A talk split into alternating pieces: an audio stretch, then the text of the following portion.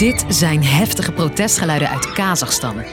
Regeringsgebouwen zijn bestormd, de politie schoot gericht op demonstranten en het internet ligt er af en aan uit. Mensen eisen hervormingen en mensen eisen politieke veranderingen. Sinds de jaarwisseling vinden er massale demonstraties plaats die zich als een olievlek door het land verspreiden. En dat is bijzonder. Spontane demonstraties zijn illegaal en het totalitaire regime duldt geen tegenspraak. De afgelopen jaren zagen we bijvoorbeeld dat mensenrechtenactivisten tot jarenlange celstraffen werden veroordeeld als ze zich eh, kritisch uitspraken over de regering. Dus het is nog maar afwachten wat deze demonstranten boven het hoofd hangt. Maar de maat is vol voor de Kazakken. Waar komt deze volkswoede opeens vandaan? En welke groepen staan tegenover elkaar? Ik ben Sophie en dat leg ik je uit. Lang verhaal kort. Een podcast van NOS op 3 en 3FM. Laten we even beginnen met de topografie. Kazachstan is een enorm land. Qua oppervlakte staat het in de top 10 grootste landen ter wereld. Het ligt tegen Rusland, China en een stukje tegen Europa aan. Ondanks dat het 65 keer zo groot is als Nederland, wonen er maar 18 miljoen mensen.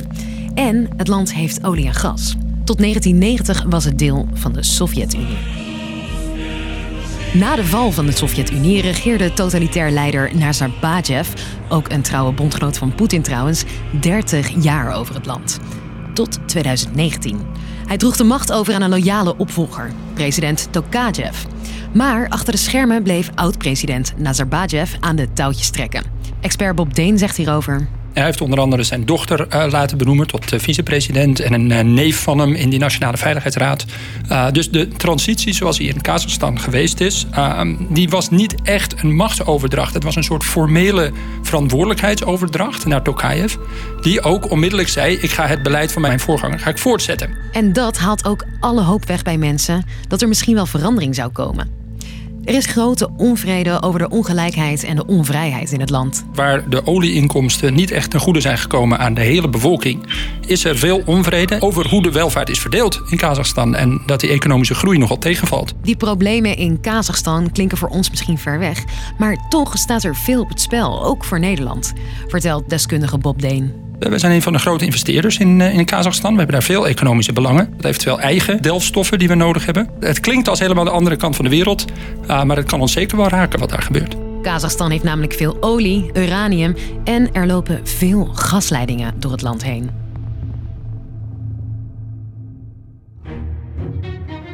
Brandstof is ook de directe aanleiding van de onrust nu.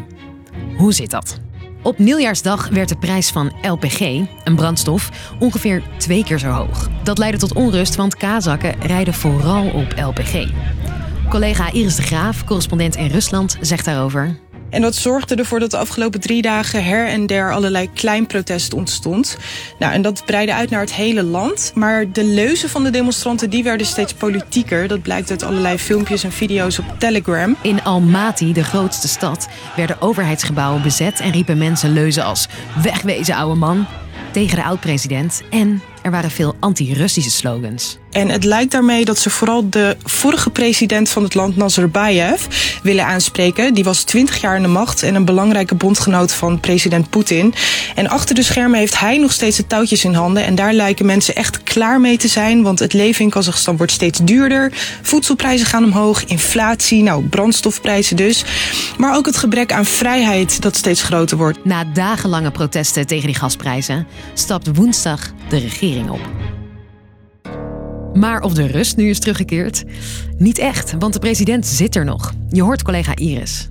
Volgens een statement van de huidige president Tokayev is alles op dit moment rustig en zijn mensen tevreden.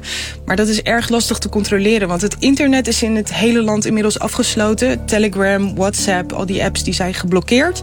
Maar er blijven beelden opduiken van gewelddadige aanvaringen tussen demonstranten en militairen. Militairen hebben het vuur geopend op demonstranten. Er zouden duizenden gewonden zijn en ook doden. President Tokayev zegt... We moeten ons bedenken dat dit om terroristische groeperingen gaat uit het buitenland. Ze zijn goed getraind. Tokayev noemt de demonstranten dus terroristen.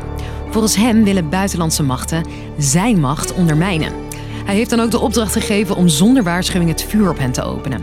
Daarvoor heeft hij ook hulp ingeroepen van Russische troepen. Hoe de situatie zich komende dagen ontwikkelt in Kazachstan, dat zal blijken.